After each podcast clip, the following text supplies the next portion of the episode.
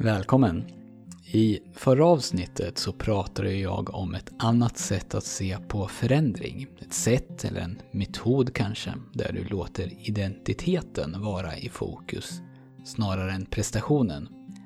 Ett lite annorlunda sätt att tänka. Och idag så ska jag fortsätta på samma ämne. Du lyssnar på Monkey Mindset och jag heter Daniel Sjöstedt. Här kommer först en supersnabb sammanfattning av förra avsnittet.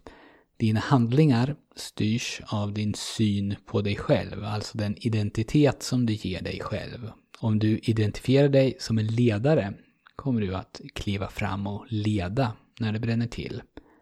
Även om du kanske inte formellt har den rollen. Och om din identitet inom något område är negativt, alltså du kanske identifierar dig som en sån som det inte går att lita på vad gäller relationer, så är risken stor att dina handlingar, även i framtiden, kommer att bekräfta den identiteten.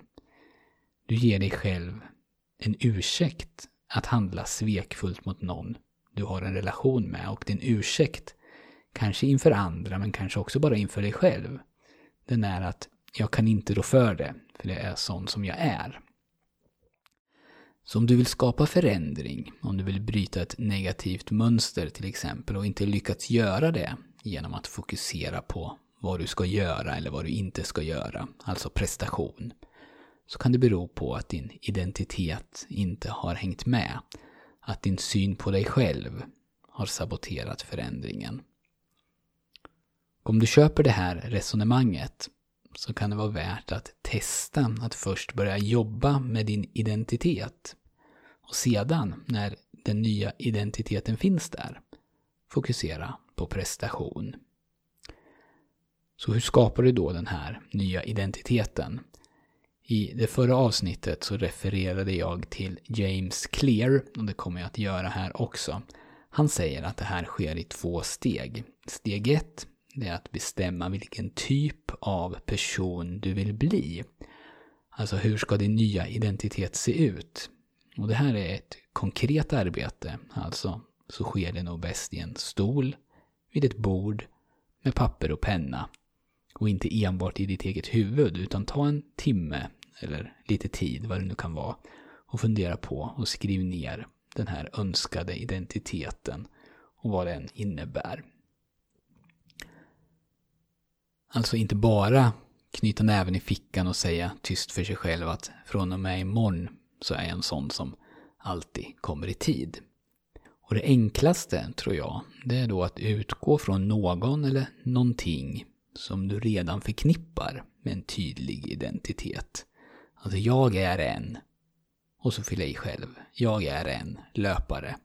Jag är en ledare, till exempel. Eller jag är en sån som. Jag är en sån som håller tiderna. Jag är en sån som kommer väl förberedd till kundmöten. Eller vad gäller så är jag. Vad gäller disciplin så är jag som Charlotte Kalla. Och det här går lika bra att använda på en organisation. Vad gäller kundservice är vi som Amazon. Och nu så har du gratis fått svar på en massa frågor som du kanske inte ens har tänkt att ställa. Du behöver inte sätta upp regler för precis allt. Och om en situation dyker upp så kan du fråga dig själv. Hur skulle Charlotte Kalla ha hanterat den här svårigheten? Skulle hon ha låtit den hindra henne från att träna? Eller skulle hon istället ha gjort vad som krävdes för att få in träning enligt sitt redan förutbestämda schema? Och så vidare. Så steg ett är alltså att bestämma vilken typ av person du vill bli. Vilken identitet inom ett visst område vill du ha? Steg två, det är sen att börja bevisa det här. Bevisa din nya identitet för dig själv genom att skapa små regelbundna vinster. Små Alltså inte bli Charlotte Kalla över en natt, utan ta det steg för steg.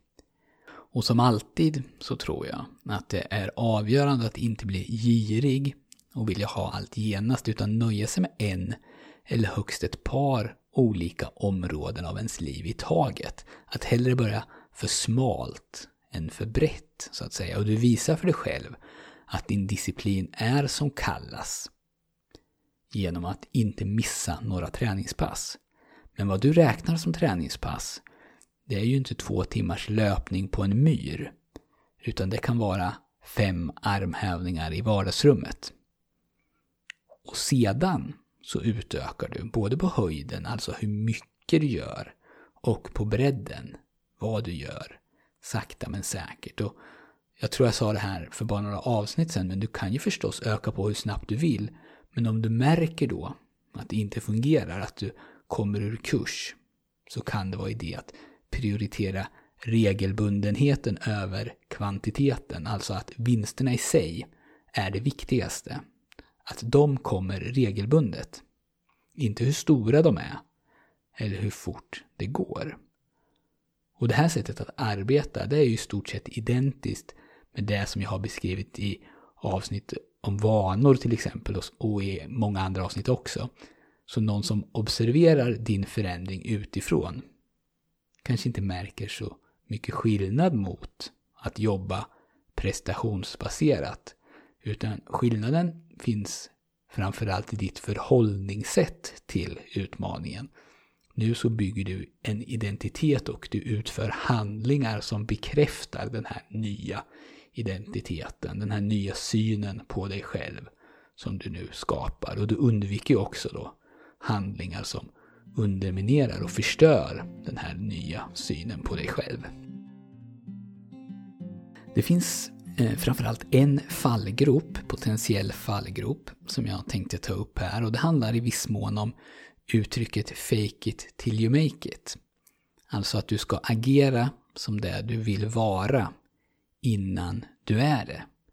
Det kan tyckas som att det är det som jag pratar om här, men det är inte riktigt det. I alla fall inte så som jag tror att det är lätt att tolka det här fake it till you, till you make it. För låt säga att du drömmer om att bli författare. Men hur mycket du än vill så får du inte gjort. Du skriver inte. Så du bestämmer dig istället för att börja med identiteten. Att skapa en identitet där du ser dig själv som författare. Nu är det ju lätt då att du gör det för enkelt för dig. Du frågar dig själv, hur beter sig en författare? Ja, de kanske hänger på vissa krogar, finns i vissa grupper på Facebook, går på vissa fester, läser vissa tidningar, pratar på ett visst sätt och så vidare. Så du börjar göra de här sakerna och hoppas att det ska ge dig en identitet som författare, att du ska börja känna dig som en författare. Men risken är stor, tror jag, att identiteten som du skapar här inte är den av en författare, utan den av en wannabe. Du hoppas att författeriet ska smitta av sig på dig bara du befinner dig nära det. Och det är inte det som jag pratar om. Utan det författare gör, som du ska ta efter, men som då är lite jobbigt, det är att få ner ord på papper. Stephen King berättar i sin bok som heter On Writing att han skriver 2000 ord per dag. Alla dagar. Hela året. Sätt då ett mål att skriva 50 ord per dag. Och utöka sedan sakta. 50 ord per dag, 30 dagar i rad. Sen 100 ord, 30 dagar i rad. Och det är förstås tillåtet, som jag sa förut, att göra mer. Men om du märker att du börjar undvika att göra själva jobbet för att det känns jobbigt, eller för att du kräver för mycket av dig själv för att bli nöjd, så tar du ett steg tillbaks och går ner i intensitet igen. 50 ord per dag är bra nog. Tänk inte att du skippar dina ord idag och gör dubbelt så mycket imorgon. Eller att du skjuter upp hela veckans jobb till helgen. För så beter sig inte en författare. Så beter sig en wannabe. Så tänk igenom vilka handlingar som betyder någonting i sammanhanget och vilka som inte gör det. I den mentala träningen så jobbar vi med identitet. Vi gör det dels så som jag har berättat nu, alltså i konkret handling.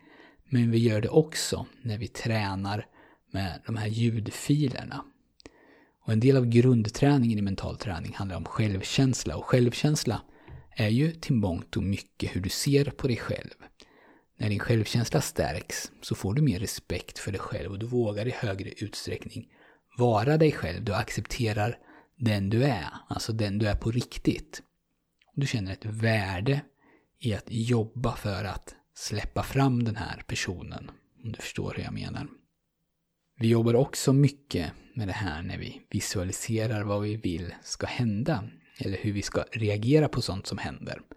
Om du i den mentala träningen jobbar med mål till exempel och visualiserar hur du har nått ditt mål så kan du ju dels se själva prestationen i sig, alltså hur du går över mållinjen eller hur du eh, kliver högst upp på prispallen eller håller tacktalet. Men du kan också se vem du nu är. Skapa en bild av vilken identitet du har när du har nått ditt mål. Nästa vecka så kommer jag att fortsätta att prata om identitet, men då från ett helt annat håll. Allt jag har sagt i de här avsnitten, ända från podden börjar egentligen, om att ta det lugnt och skynda långsamt och ha tålamod, kommer att kastas ut. Och jag kommer istället att berätta historien om hur jag, alltså Daniel, på bara två minuter gick från att vara en kronisk nagelbitare till att aldrig mer bita på naglarna. Och hur det här beteendet som jag hade, alltså ovanan som jag led av, bara försvann sådär. Och det jag gjorde, det hade egentligen ingenting med naglar eller nagelbitning att göra. Utan det som skedde var att jag på nolltid helt förändrade min identitet vad gäller det här området. Så det avsnittet blir lite annorlunda, kanske lite mer lättsamt, även om allt som jag kommer berätta är helt sant och jag kommer förstås också att berätta exakt vad jag gjorde. Det var allt för den här gången. Eh, iTunes, de älskar tydligen recensioner, så om du vill lämna en recension så skulle jag uppskatta det. Det hjälper mycket med att sprida podden. Och om du går in på monkeymindset.se så finns där en stor röd ruta där du kan fylla i din e-post och prenumerera på mitt nyhetsbrev. Och om du gör det så får du också det som du behöver för att komma igång med mental träning. När du prenumererar så skickar jag dig fyra ljudfiler. Ljudfilerna heter Slappna av, Gå djupare, Självkänsla och målbilder. Och två av dem har jag ju pratat om idag. Det är ljudfiler för att träna sin självkänsla och en ljudfil som handlar om mål. Och inget av det här kostar ju någonting. Tack så mycket för att du har lyssnat och jag hoppas att vi hörs igen nästa vecka.